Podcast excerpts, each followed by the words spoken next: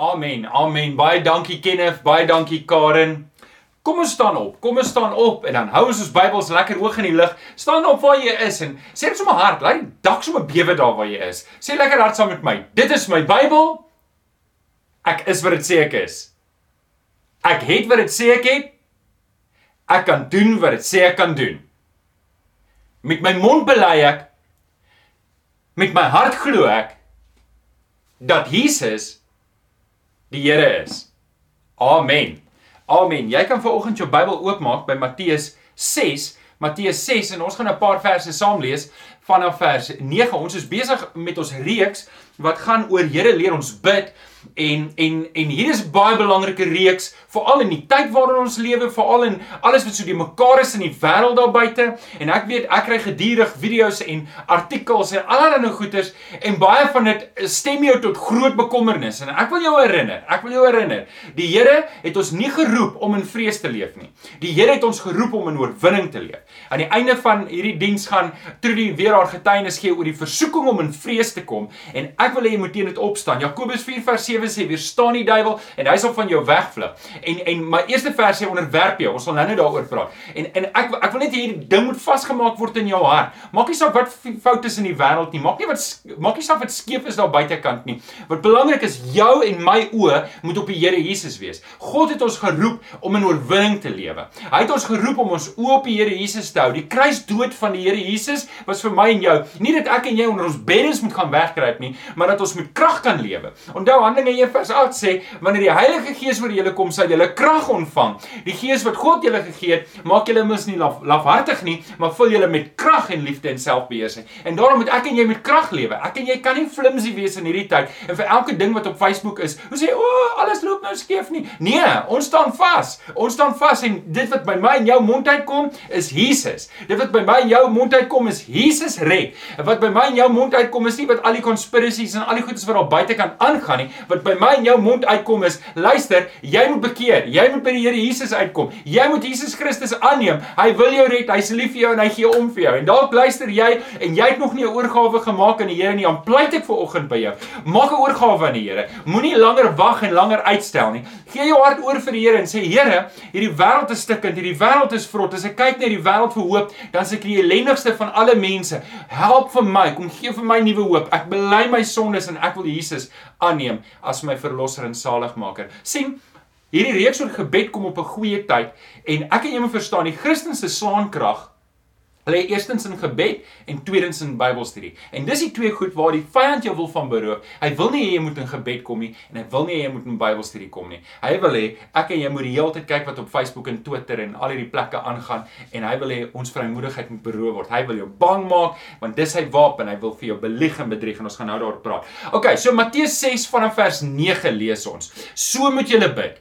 Ons Vader wat in die hemel is, laat U naam geheilig word. Laat U koninkryk kom, laat U wil ook op die aarde geskied, net soos in die hemel. Gee ons vandag ons daaglikse brood en vergeef ons ons oortredinge, soos ons ook die vergewe wat teenoor ons oortree. En laat ons nie in die versoeking kom nie, maar verlos ons van die bose. Want aan U behoort die koninkryk en die krag en die heerlikheid tot in ewigheid. Amen. Amen. Nou dis die verse wat ons ver oggend na kyk. Nou ek begin elke week hier om vir jou te vertel dat eh, ek glo dit vas, die vyand probeer vir jou oortuig jy kan nie bid nie. Hy probeer jou oortuig dat jy moet dit maar liewer los vir die professionele Christene. Jy moet dit liewer los vir die predikant, jy moet dit liewer los vir die selleier. Jy moet dit liewer los vir Petrus van Skalkwyk en um, oom Johan Kronee en die ouens daar by die gebedspan. Jy moet dit liewer los vir tannie Christel en en oom Kobus by die manne en die vroue bedien. Jy moet dit liewer los vir die ouens wat weet hoe om te bid en jy moet liewer net maar net los en nie bid nie want jy kan nie werklik bid nie. En so breek jy jou vrymoedigheid af dat jy nie bid nie. En so mis jy een van die kragtigste wapens van 'n kind van die Here en dit is sy gebedslewe. En die Here roep jou op om te bid en daarom moet jy deur dit breek. Die vyand kom sit 'n deksel op jou geloofslewe en hy hou jou daar. Solank jy nie bid nie, gaan jy nie die krag van God beleef nie. En en dis hoekom dit belangrik is dat jy moet losbreek. Jy moet 'n besluit neem voor die Here om te sê, Here, soos die disippels gesê het, leer my bid. Here kom leer my bid sodat ek met die krag wat die Heilige Gees gee, kan bid en kan weet ek staan nie in my eie krag nie, ek staan in U. Jy sal sien as jy daagliks tyd saam met die Vader gaan spandeer in gebed, gaan jou lewe begin verander. Jou lewe gaan begin verander. Jou oë gaan nie meer wees op hierdie dinge van die wêreld nie, maar jou oë gaan op Jesus Christus gerig wees. Nou, Ek kom elke keer terug na hierdie ding toe en ek wil weer hierby uitkom wat ons sê gebed beweeg God nie op my agenda nie sien ek het 'n agenda, maar gebed beweeg God nie op my agenda nie. Gebed beweeg my op God se agenda. Wanneer ek in gebed na die Vader toe gaan, dan gaan ek nie met die idee om te sê, Here, ek het 'n paar goed wat ek graag wil versoek, wat ek graag wil verander of 'n paar dinge wat anders is so, Here, hier's my plan. Nee, nee, nee, dis nie hoe ek na die Here toe gaan nie. Wanneer ek na God toe gaan en ek en ek bid die onsse Vader soos wat Jesus dit bedoel het, dan's presies die teenoorgestelde waar. Ek gaan na God toe en ek sê, Here, hier is ek. Ek, ek kom meld aan. Ek wil weet wat is u koninkryk? Ek wil weet wat u wil is. Ek wil saam met u koninkryk werk. Ek wil saam in u wil werk. Ek ek wil ek wil die sonde wat in my lewe is wil ek af lê. Ek kom vra om vergifnis. Ek sien u woord leer. Ek moet ander mense vergewe. Kom leer my hierdie dinge. U is my Vader, u is my God en u is my Here en ek kom na u toe en ek kom vra u Here, wys my u planne want ek wil gehoorsaam wees aan U. Nou sien, dis die tipe gebed wat regtig kragtig is. Wanneer ek na die Here toe gaan met al my goedjies en dingetjies en en verstaan dit reg, ek en jy mag na die Here toe gaan met ons begeertes. Ek en jy mag na die Here toe gaan met ons versoeke en onsse Vader maak voorsiening daarvoor. Maar dis by ver nie die grootste deel nie. En baie keer is ons na die Here toe met al ons versoeke wat eintlik eintlik op hierdie kategorie is van Here, wil U nie net 'n bietjie na my agenda toe kom nie? En ek en jy moet deur dit breek om die Here te vertrou dat hy saam met my maak wat die beste is vir my. Die beste weergawe van jou lewe is die weergawe waar jy God se wil doen. Dis die beste weergawe. Daar is nie 'n beter weergawe van jou lewe of hoe jou lewe kan afspeel oor die volgende 30 of 40 of 50 of hoeveel jaar die Here ook al vir jou het nie. Daar is nie 'n beter weergawe as die weergawe waar jy sê, "Goed Here, ek soek U koninkryk." Ek soek U wil. Nou kom ek vra vir jou sommer nou reguit terwyl ek jou in die oë kyk. Soek jy die beste weergawe van jou lewe? Wel ek hoop jou antwoord is ja, want as jou antwoord ja is, is jy op die regte plek en dan moet ek en jy leer om saam te bid. Nou ons het die paar weke wat ons nou al gekyk het, het ons gekyk na die onsse Vader wat in die hemel is, soos gesê, dis ons gebed. Ons bid na die Vader, ons bid na hom in die hemel, nie dat hy ver is nie, maar dat hy almagtig is. Dit was die eerste deel. As jy dit gemis het, jy kan dit op YouTube kyk. Deel nommer 2, laat U naam geheilig word en dit gaan op 'n refleksie van wie die Here is, maar ook hoe ons moet lewe. So ons kom vra die Here, Here, Laat U naam geheilig word eerstens in my lewe. Here, ek moet so lewe dat mense kan sien U naam is heilig. Dit help nie ek sê die Here se naam is heilig, maar my lewe wys dit nie. So ek kom bid, Here, laat U naam naam geheilig word. Laat U koninkryk kom. Ons erken dat die Here ons koning is. Die Here is my koning. Ek is deel van sy koninkryk. En as die Here my koning is, as God my koning is, dan beteken dit ek is 'n onderdaan van hom en ek moet aan hom gehoorsaam wees. En die volgende wat daarmee saamgaan, is om die Here se wil te vra. Die Here se wil te vra in my lewe lewe en dat dit sal geskied, dat ek dit sal doen. Ek onderwerp myself daarin, maar ook in my gemeenskap, ook in my gesin. Soos Joshua 24 vers 15 gesê, ek en my gesin sal die Here dien. Dis ook die koninkryk van die Here uitdra. Dis ook die wil van die Here soek in my lewe. Um toe het ons gekyk na gee ons ons daaglikse brood wat dis dis die een wat gaan oor ons basiese behoeftes wat ek my basiese behoeftes na die Here toe kan bring. Nou in huisgesinne waar ons elke maand 'n goeie salaris kry en ons koop ons kredietniers een keer 'n maand, is dit dalk moeilik om te dink dat jy bid vir vir kos daagliks, maar ek dink nou met die tyd waarin ons nou is en waar daar baie onsekerheid is, is hierdie meer relevant dat jy soos die Israeliete in die woestyn die Here moes vertrou vir die kwartel en mannas, moet ek en jy die Here vertrou vir ons daaglikse kos en ons kan dit van die Here vra. Die Here leer ons om dit te bid. En toe het ons laasweek gekyk na vergewe ons ons sonde en daar het ons mekaar gesê dit lyk asof Jesus meer besorgd is oor dat ons ander moet vergewe as wat ons moet besorgd wees oor dat die Here ons moet vergewe. Nou, dis belangrik. Ons moet vir die Here om verskoning vra vir ons sondes. Ons moet ons sondes bely. Hy is getrou en regverdig. Hy reinig ons van ons van al ons ongeregtigheid en en en en en hy dink nie weer aan ons sondes nie. Dit het ons laasweek gesê. Maar wat 'n stappie belangriker as dit is, is dat ek en jy moet bid om te sê, Here, vergewe my soos wat ek ander vergewe. Nou vanoggend gaan ons verder en ons kom by 'n vers, ons kom by 'n moeilike vers en hierdie vers kry ons in Matteus 6 vers 13 wat dan um, sê laat ons nie in die versoeking kom nie, maar verlos ons van die bose. Nou voordat ek en jy hierdie frase kan bid, sinvol, moet ons verstaan wat dit beteken. Want sien, Wanneer ons Matteus 6 vers 13 lees en kom ons lees dit weer in die nuwe vertaling is die 1983 vertaling. Laat ons nie in die versoeking kom nie, maar verlos ons van die bose. Nou met die eerste lees van die vers laat dit klink asof die vers impliseer dat God lei ons in versoeking. Dit laat klink asof die vers sê, Here asseblief, moenie ons hierdie keer weer in versoeking lei nie want ons is swak en ons val daarin. En en ek wil jou verseker, dis nie wat die vers bedoel nie. Om die waarheid te sê, in eksegetiese terme vat ons vergelyk teks met teks. Met ander woorde, jy vat 'n bekende teks en jy vergelyk dit met 'n teks wat jy nie verstaan nie. So as ons gaan na hierdie vers in Matteus 6 vers 13 wat sê, "Maar is dit werklik so dat die Here ons in die versoeking sal lei?" Dan gaan soek ons ander verse wat duideliker is. Soos Jakobus 1 vers 13 wat sê, "Um iemand wat in versoeking kom, moet nooit sê ek word deur God versoek nie." So dis tog baie duidelik. Want God kan nie verlei word nie en self verlei hy niemand nie. Nou as ons nou teruggaan na Matteus 6 vers 13, dan sal 'n verkeerde interpretasie wees van die vers om te sê, ja, maar die Here lei my in versoeking. Die Here lei niemand in versoeking nie. Die Here sal jou nie in versoeking lei nie. En hier's hoekom. Hoekom sal hy sy seun aan die kruis laat sterwe? Hoekom sal hy Jesus in Christus, Jesus Christus aan die kruis laat sterwe vir jou sonde en vir my sonde om ons juis te verlos van dit en ons dan terug verlei daarin? Dit maak net nie sin nie. So as asseblief, as dit jou verstaan is van die teks, wil ek jou uitdaag om dit te verander in lyn met wat die res van die skrif sê. En en daarvoor het ek gaan kyk na ander vertalings. En die eerste ander vertaling waarna ek wil kyk, is die Nuwe Lewende Vertaling wat sê: "Bewaar ons sodat ons nie in verleiding sal toegee nie, maar bevry ons van die greep van die bose." So, wat sê die Nuwe Lewende Vertaling? En hy sê dit vir my al klaar baie beter. Hy sê: "Bewaar ons, Here, help ons, beskerm my dat ek nie in die versoeking sal val nie. Here, U weet dat my vlees is maar swak en aan buitekant is baie versoeking. Kom help vir my, bewaar my dat ek nie in my eie krag daar buite sal staan nie, maar in U krag. So bewaar my sodat ek nie die verleiding sal toegee nie, maar dat ek uit die greep van die bose sal verlos word. En dan eh, die boodskap sê dit dalk vir my die beste in hierdie opsig en hy sê help ons om nooit te soek vir die versoekings nie. Met ander woorde Die Here is nie die initieerder van verleiding nie. En ons gaan nou kyk waar dit vandaan kom. So en pas ons op wanneer die duiwel ons wil verlei om verkeerde dinge te doen. Dis hy. Nou dis baie goed gestel en ek dink dit gee die volle betekenis van hierdie teks en nou kan ons nou kan ons die vrae antwoord. So ek wil ek wil vanoggend my boodskap in twee kort dele doen. In die eerste deel is wil ek kyk waar kom versoeking vandaan en ek wil 'n bietjie dit opbreek. En dan na die tweede deel gaan ek kyk hoe kan ons oorwinning? En en dis die vraag daar, hoe bid ek vir oorwinning deur die versoeking? Nou hier's 'n feit. Almal van ons word versoek. En as jy daar sit en jy sê ja, maar ek kan nie sonde doen nie, dan wil ek jou herinner aan Paulus se woorde wat sê jy wat staan moet pas op dat jy nie val nie. Met ander woorde, niemand van ons moet gemaklik word en sê ha ha ha, die duiwel kan niks aan my doen nie. Hoorie, okay, voordat ons daarby kom, kom ons gaan eers verder en ons kyk na die verskillende bronne. Daar's drie verskillende bronne waar versoekings vandaan kom. Maar eers, en ek sien ek het nou 'n teksgedeelte geskiet, wil ek met julle deel Psalm 139 vers 23 tot 24. En daar staan: Here, U sien dwars deur my. U ken my.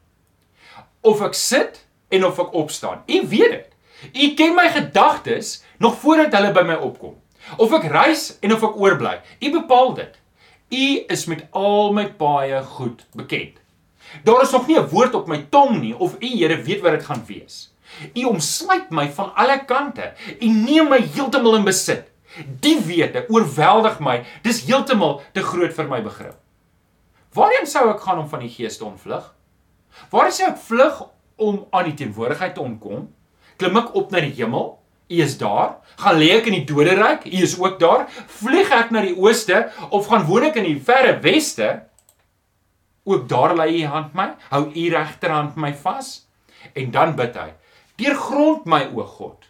Deurgrond my hart. Ondersoek my. sien tog my onrus raak." En dan sê vers 24 en dis ons gebed vanoggend: kyk of ek nie op die verkeerde pad is nie en lei my weer op die beproefde pad. Ek wil net daai laaste twee verse herhaal. Deurgrond my o God, deurgrond my hart en ondersoek my. sien tog my onrus raak en kyk of ek nie op die verkeerde pad is nie en lei my op die beproefde pad. Net daai paar verse. OK. So, as ek en jy vanoggend hierdie gebed bid, Here sê kom deur grond my, ondersoek my hart, ondersoek die diepste diepste geheime van my lewe en kom wys vir my deur die Heilige Gees waar ek nie op die regte pad is nie, waar daar risiko is in my lewe. Nou kom ons kyk gou-gou. As ons hierdie gebed bid, daar's drie basiese bronne waar versoekings vandaan kom. En ehm um, die eerste basiese bron is dit kom van die duiwel. Dit kom van Satan. Jesus sê in Lukas 22 vers 31, "Waarskei hy vir Petrus?" Hy sê, "Simon, Simon, dis Simon Petrus, né? Simon het Jesus gesê, "Luister, Die Satan het daarop aangedring om julle soos koring te sif. Wat beteken dit? Want dan kom hierdie groot aanslag op die disippels dat as Jesus gekruisig word, gaan hulle in versoeking kom om weg te hardloop en nooit weer terug te kom nie. En die vyand dring aan daagliks, soos wat toe Job um deur al daai moeilikheid gegaan het, het Satan was hy lastig en hy was listiger as enige ander dier in Adam en Eva en hy gaan na God toe en hy sê: "Ag Here, jy weet, hy dien U net omdat U hom so seën." Maar vat die seëninge weg en kyk of hy nog steeds sal dien. Hy's listig, hy's lastig en hy dring aan Hy dring aan om my en jou soos koring te sif. Hy wil hê ons moet val. Hy wil hê ons moet skade ly en ek en jy moet baie versigtig wees. In Johannes 10 vers 10 gaan gaan Jesus en hy sê 'n dief kom net om te steel en te slag en uit te roei. Dis wat die vyand in jou lewe wil doen. Hy wil steel in jou verhoudings. Hy wil slagting gee in jou verhoudings. Hy wil jou lewe uitmekaar uittonning. Hy wil en hoe doen hy dit? Hy lieg vir jou, hy bedrieg jou, hy verlei jou, hy trek jou in al hierdie goeters in en as jy daar is, hou hy jou vas. Soos hierdie valyster waarna 'n bokkie se voet vasgehak is en dan draai hy hom al in die rondte tot sy been heeltemal mos afgedraai is. Dis wat Satan met jou wil doen. Petrus waarsku ons in 1 Petrus 5 vers 8, die duiwel loop rond soos 'n brullende leeu en hy wil jou verslind. Hy wil jou verskeur. In Efesiërs 6 vers 12 waarsku Paulus ons, hy sê ons stryd is nie teen vlees en bloed nie, maar teen die bose geeste in die lig. Luister ouens, dis baie belangrik. Satan is nie 'n 'n karakter wat deur ons ouers gemaak is om ons bang te maak nie. Dis nie 'n karakter wat bedoel is om kinders mee bang te maak nie. Hy is 'n realiteit en hy haat jou met alles wat in jou is. Ek wil dit herhaal want ek kan dit nie dramaties genoeg sê nie. Satan haat jou met alles wat in is en as hy die kans kry om jou te verslind, sal hy dit reg sal hy as hy daai kans kry, gaan hy dit gryp. As hy hy sal vir jou, ons het altyd op skool gepraat van hy sal jou eet soos popcorn. Satan is baie sterker as wat ek en jy dink. En en as ek en jy nie in Christus staan nie, is daar nie manier dat ons staan sal bly nie. Hy's net te sterk en daarom is dit belangrik dat ek en jy in Christus Jesus moet bly en nie ons eie krag probeer staan nie. So dis dis waar. Hy's eg, hy haat jou, hy wil jou ten gronde bring. Hy wil jou verniel. En dit mag wees dat jy dit ook beleef het al in jou lewe, dat jy in die greep van Satan was, jy was in die groep greep van die bose en hy het vir jou verniel. En dit is wanneer ek en jy toegee aan hom. Die tweede bron, so dis die eerste bron. Die tweede bron wat ons kry is dan die wêreld die die wêreld is ook 'n bron. So aan die een kant is Satan, maar wat hy doen is in die wêreld het hy sekere vangnette in plek gesit en hy vang ons op. En en en en ons moet versigtig wees. Die Engelse woord is desensitize. En dis wat hy wil doen. Hy wil my en jou desensitifiseer. Ek dink nie as dis 'n woord nie. Kom ons bly maar liewer by die Engels. Hy wil jou desensitize. Hy wil jou gewoond maak aan goed dat jy dink is oukei. Okay. En jy dink maar Johan, waarvan praat jy? Wel in die geskiedenis. Kom kom, kom ons lees net eers Jakobus 4 vers 4. Weet julle nie julle ontrou is dat vriendskap vriendskap met die wêreld vyandskap teen God is nie. Wie 'n vriend van die wêreld wil wees, wys daarmee dat hy 'n vyand van God is. Of dink julle die skrif sonder rede sê dat God die gees wat hy in jou laat woon het, heeltemal vir homself wil hê. En dit is waar. God wil hê jy moet net aan hom behoort. Hy wil jou nie deel met die wêreld nie. Vriendskap met die wêreld is 'n vyandskap met God. Nou oor hierdie hele ding van om ons sensitief en ons onsensitief en te desensitifiseer. Ek moet tog kyk of dit werklik 'n woord is. Iemand kan net vir my op die chat sê of dit regtig 'n woord is. Um kom ons kyk net 'n bietjie na die geskiedenis. Goeters wat ons nou terugkyk na en dink, "Jene, maar dit was verkeerd. Hoe kan die mense en tog het die mense in daai tyd gedink dis oukei? Okay. Hoekom? Want hulle was gedesensitized. Selfs Christene het deelgeneem aan wêreldse aktiwiteite omdat hulle nie um sensitief was vir die Heilige Gees nie. Hulle het onsensitief geraak en saam met die wêreld gegaan. Kom ons vat byvoorbeeld in die geskiedenis. Hoeveel keer sien ons dat een nasie onder die naam van Christendom teen 'n ander nasie optrek, hulle heeltemal vernietig en al hulle goed steel? Dit sien ons in die geskiedenis. Ons sien dit baie keer. Hoeveel nie te lank terug in die geskiedenis nie, het het hulle robbe doodgeslaan en hulle pelse gevat. Maak wolwe dood sommer voor die voet en maak van hulle pelse. Vandag sal ons sê nee, maar dis verkeerd. Daai tyd het selfs Christene dit gedoen. Um wat van slawerny? Weet julle uh, uh, uit die vroeë 1900s het het het het ons eie mense, ons praat van voortrekkers, mense wat getuig het hulle in Jesus boor, het kinders gekoop en slawe gemaak van kinders. Hulle het kinders gebruik as slawe. En en en en dit was oukei. Okay. Daai tyd was dit net eenvoudig aanvaarbaar. Ho hoekom gebeur dit? Ons sal dit nie vandag doen nie. Jy sal nie vandag 'n kind by die huis aanhou skelm en hom gebruik as 'n slaaf nie. Um en dink dis oukei okay en dis reg nie. Jy sal nie dink dis oukei okay dat iemand verkoop word op 'n stadsplein vir slawe nie. Niemand van ons sal dink dis oukei okay nie. Nie as kinders van die Here nie in elk geval. Wat wat van wat van in die in, en nie te lank terug nie, was dit ook wettig. Wat honde opgelei was om teen mekaar te beklei tot die dood toe. En dit het mense gedoen vir plesier. Wat van in die Ro Romeinse tydperk, um wat baie mense in die Kolosseum het hulle bymekaar gekom en het hulle het hulle daarso 87000 mense bymekaar gekom en het hulle daar gekyk hoe mense vir die leeu's ge, ge, gevoer word. En en dan sê ons maar ja, maar Johan, ons het dit nie gedoen nie. Maar luister, en ek wil nou nie ek wil nou nie 'n drip wees nie, maar as ek en jy TV kyk en ons sien hoe mense se koppe afgekap word en mense doodgemaak word, is dit nie maar dieselfde nie? Word ons nie gedesensitized deur die wêreld en deur die wêreld se verleiding en versoeking om te dink, ag, is okay. Jy weet, dis dis mos nie regtig nie. Um So so so kyk ons na die wêreld vandag en ons is beslis nie meer so sensitief soos wat ons behoort te wees nie. Mense handel is. Okay. Weet jy, pornografie, weet jy dis verkeerd? Dis dis sleg en dis 'n lelike ding, maar die agtergrond daarvan is mensehandel. Dis 'n verskriklike ding. Dis 'n verskriklike sonde eintlik. Wat van liefde vir geld en liefde vir die wêreld en liefde vir die wêreldse dinge? Wat van mense wat goed doen vir die eer van mense? Wat wat van 125000 aborsies wat elke liewe dag plaasvind? Elke liewe dag vind daar 125000 aborsies plaas. En en Christene praat nie meer daaroor nie want weet jy wat? Ons is eintlik nou al gewoon daaraan en ek en jy moet pasop. Dis hoe die vyand ons kry. Dis hoe die wêreld ons insluk. Ek kan onthou op skool het ons altyd gesê, "Kan jy met een voet in die disko en een voet in die kerk staan? Een voet in die kerk en een voet in die disko nie." Um nou vandag sê jong mense weet nie wat 'n disko is nie. Maar die punt was net gewees, jy kan nie met een voet in die wêreld. Jy kan nie aan die een kant na die wêreld vry en aan die ander kant 'n verhouding met die Here wil hê nie. Die Here laat dit nie toe nie en die duiwel laat dit ook nie toe nie. Die wêreld laat dit ook nie toe nie. En dis hoekom ons gedurig mekaar sê, die Here vra nie baie nie, hy vra alles. Die Here vra nie baie nie, hy vra alles. So dis die tweede bron. Die derde bron van versoeking is my eie vlees. My eie vlees. Jakobus 1:14 sê, um kom ons maak hom net oop. Jakobus 1:14 sê, 'n mens word verlei deur sy eie begeertes wat hom aanlok en saamsleep. En dan dan sê Jakobus 4 vers 3 ook verder, as jy bid ontvang jy nie omdat jy verkeerd bid, jy wil net jou selfsugtige begeertes um bevredig. Nou nou hier's 'n belangrike ding wat wat wat wat ek en jy nie moet mis nie. Partykeer is ons vlees so gretig om sonde te doen dat dit niks met die duiwel of niks met die wêreld te doen nie. Partykeer doen ons so goed om in die sonde in te hardloop dat die duiwel net sê, "Luister, kom ek staan net een kant, want hy doen al klaar so goed op sy eie. Ek moet hom liewer net los want as ek hom aan hom geraak, dan gaan hy skrik en besef wat hy doen." En en ons is baie maklik om die duiwel te beskuldig. Ons is baie maklik om die wêreld te beskuldig, maar ons doen niks om ons eie vlees onder onder beheer te bring van die woord van die Here nie. En en daarom moet ek en jy verstaan, ek en jy moet verantwoordelikheid aanvaar. Ek en jy moet verantwoordelikheid aanvaar vir hierdie vlees. En en nou wil ek met jou praat oor hoe om oorwinning te bid. So dis die drie bronne. Hoe bid ek vir oorwinning? Hoe bid ek oorwinning as as Jesus vir ons leer in Matteus 6 vers 13, help ons om nooit te soek vir die versoeking nie en pas ons op wanneer die duiwel ons wil verlei en verkeerde dinge te doen. Nou is my interessant dat Jesus hier praat, hierdie ding gebeur in gebed.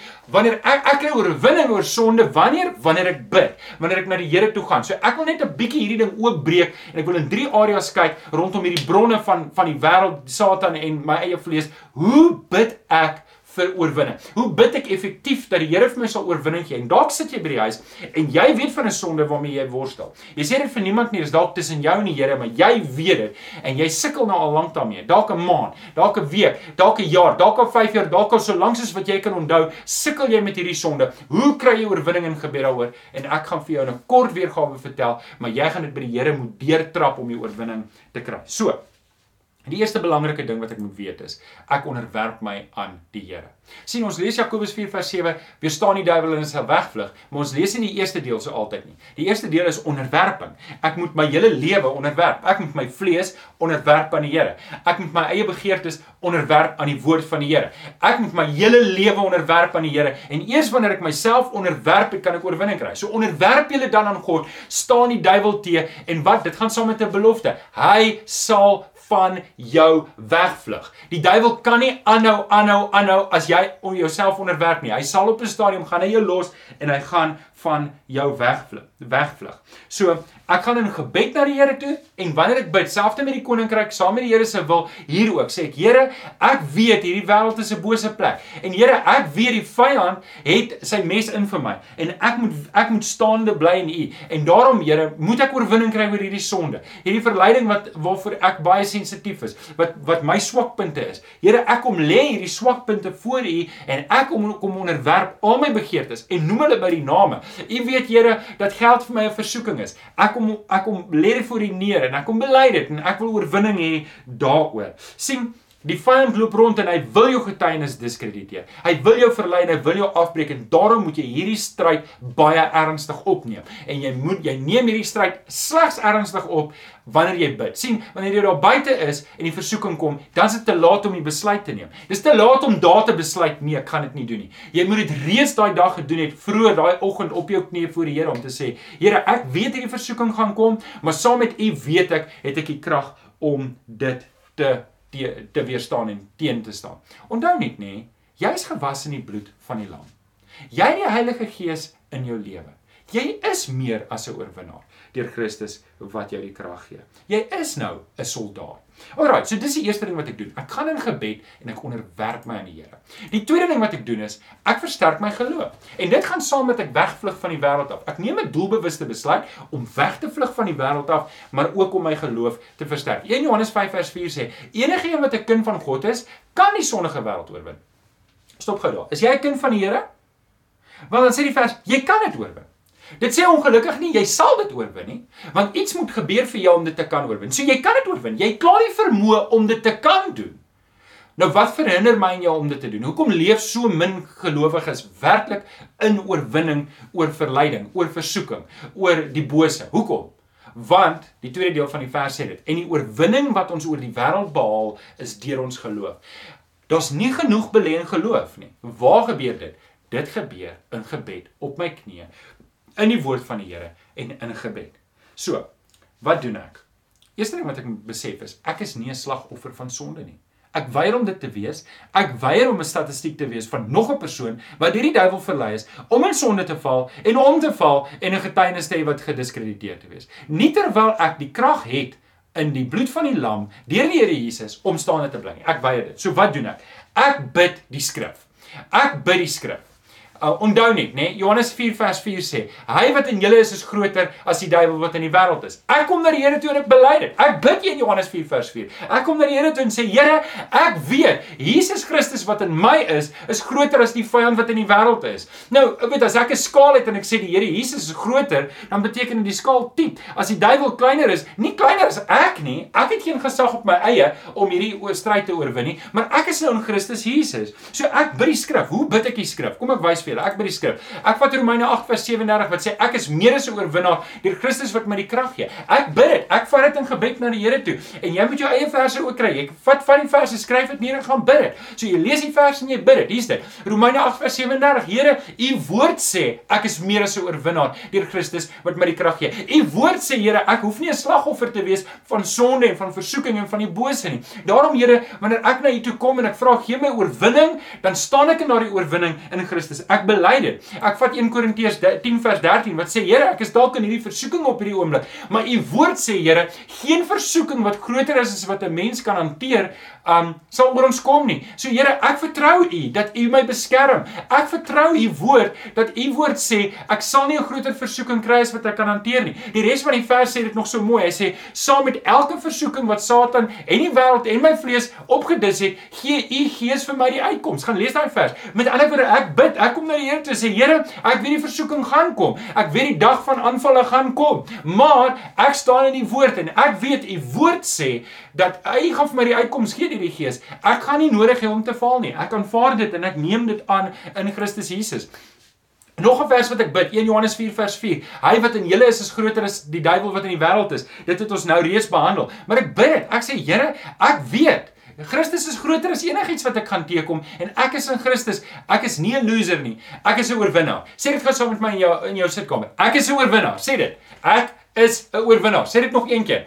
Ek is 'n oorwinnaar. Filippense 4:13 sê ek is tot alles in staat deur Christus wat my krag gee. Ek kan deur hierdie tyd kom waar ek nou is, want Christus gee vir my die oorwinning. Maak nie saak wat my omstandighede is nie. Ek bid dit. Here, u woord sê ek ek kan deur hierdie ding kom. Ek gaan nie paniekerig raak nie. Ek gaan nie angstig raak nie. Ek gaan nie vreesagtig raak nie. U woord sê ek kan deur dit kom. Nog 'n vers wat ek bid is ek bid 1 Petrus 2 vers 24 wat sê Jesus self het sy sonde, het my sonde in sy liggaam aan die kruis gedra. Ek sê vir die Here dankie Here, ek loof en prys U naam dat al my sonde, dit wat ek gedoen het en dit wat ek nog moet doen, het aan Jesus Christus saam met Jesus Christus, hy het aan sy liggaam gedra terwyl in die kruis gesit. Ek is vrygemaak van dit. Ek lewe nie meer onder dit nie. Daardeur is ek vir die sonde dood en ek wil nou daaroor praat en sê Here, ek is dood vir die sonde. Ek is klaar met die sonde. Ek is ek is ek het die sonde afgeskryf. Ek is dood daarvan. Ek kan in gehoorsaamheid aan die Here lewe. En en en dit bring my by Sagaria 4 vers 6. Ek doen dit nie my eie krag nie, not by might, nor by power, but by my spirit says the Lord. Ek doen dit nie my eie krag nie, doen dit deur die Heilige Gees. Prys die Here, prys die naam van die Here, prys sy heilige naam. Sê 'n bietjie amen toe. Sê 'n bietjie amen. Ek glo dit met my hele hart en ek kan dit bid. So dis hoe ek die skrif bid vir oorwinning. Maar daar's 'n baie belangrike aspek wat ons nog moet aanraak en dit is ek moet my vlees doodmaak. Romeine 6 vers 2 sê: "Hoe kan ons wat dood is vir die sonde nog daarin voortlewe?" As ek dood is vir die sonde, hoe kan ek nog daarin voortlewe? Luister gou mooi. Ons is dood vir die sonde. Ons is dood vir die sonde. Die vraag wat ek moet vra is, koester ek nog die sonde so bietjie langs die kantlyn? Vertroetel ek my sonde? Sê Here, dis maar my sonde. Met daai ou, daai groot sondes, ek het my hierdie twee, drie klein sondetjies. Weet jy, as ek spasie in my lewe maak en ek vertroetel sonde, gaan dit altyd groei. Dit gaan altyd groei. Dis dis 'n virus man.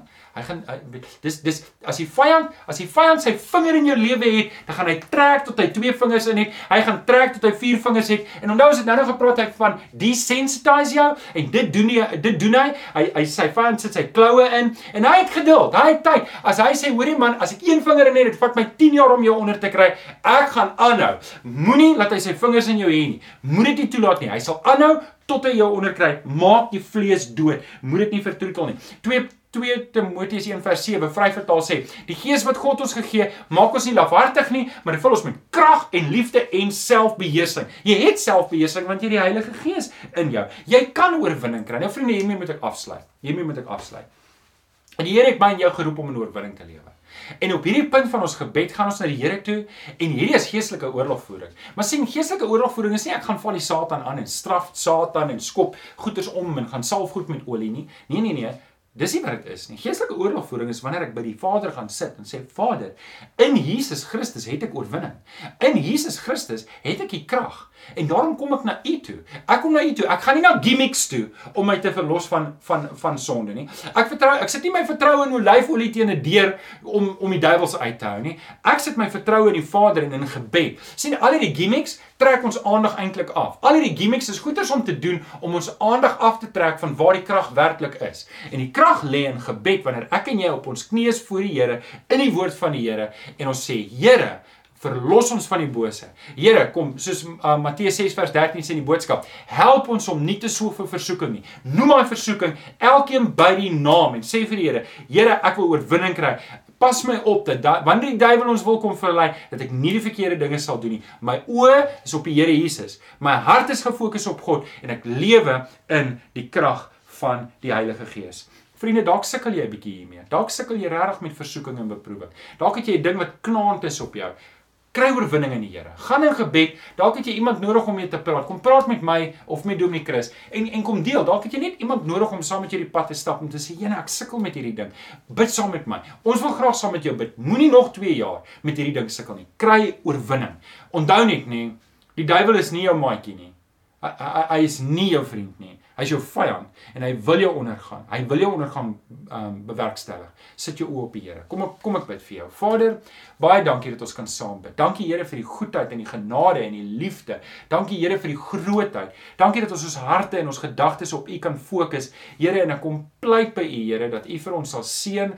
Here, dat ons Ag net ons harte rustig sal maak, maar dat ons werklik oorwinning sal kry oor elke versoeking in ons lewe. Dat ons regtig die woord sal vertrou, die woord sal bid en dat ons so ons geloof sal versterk in U. Kom seën vir ons. Ons bid dit in Jesus naam. Amen.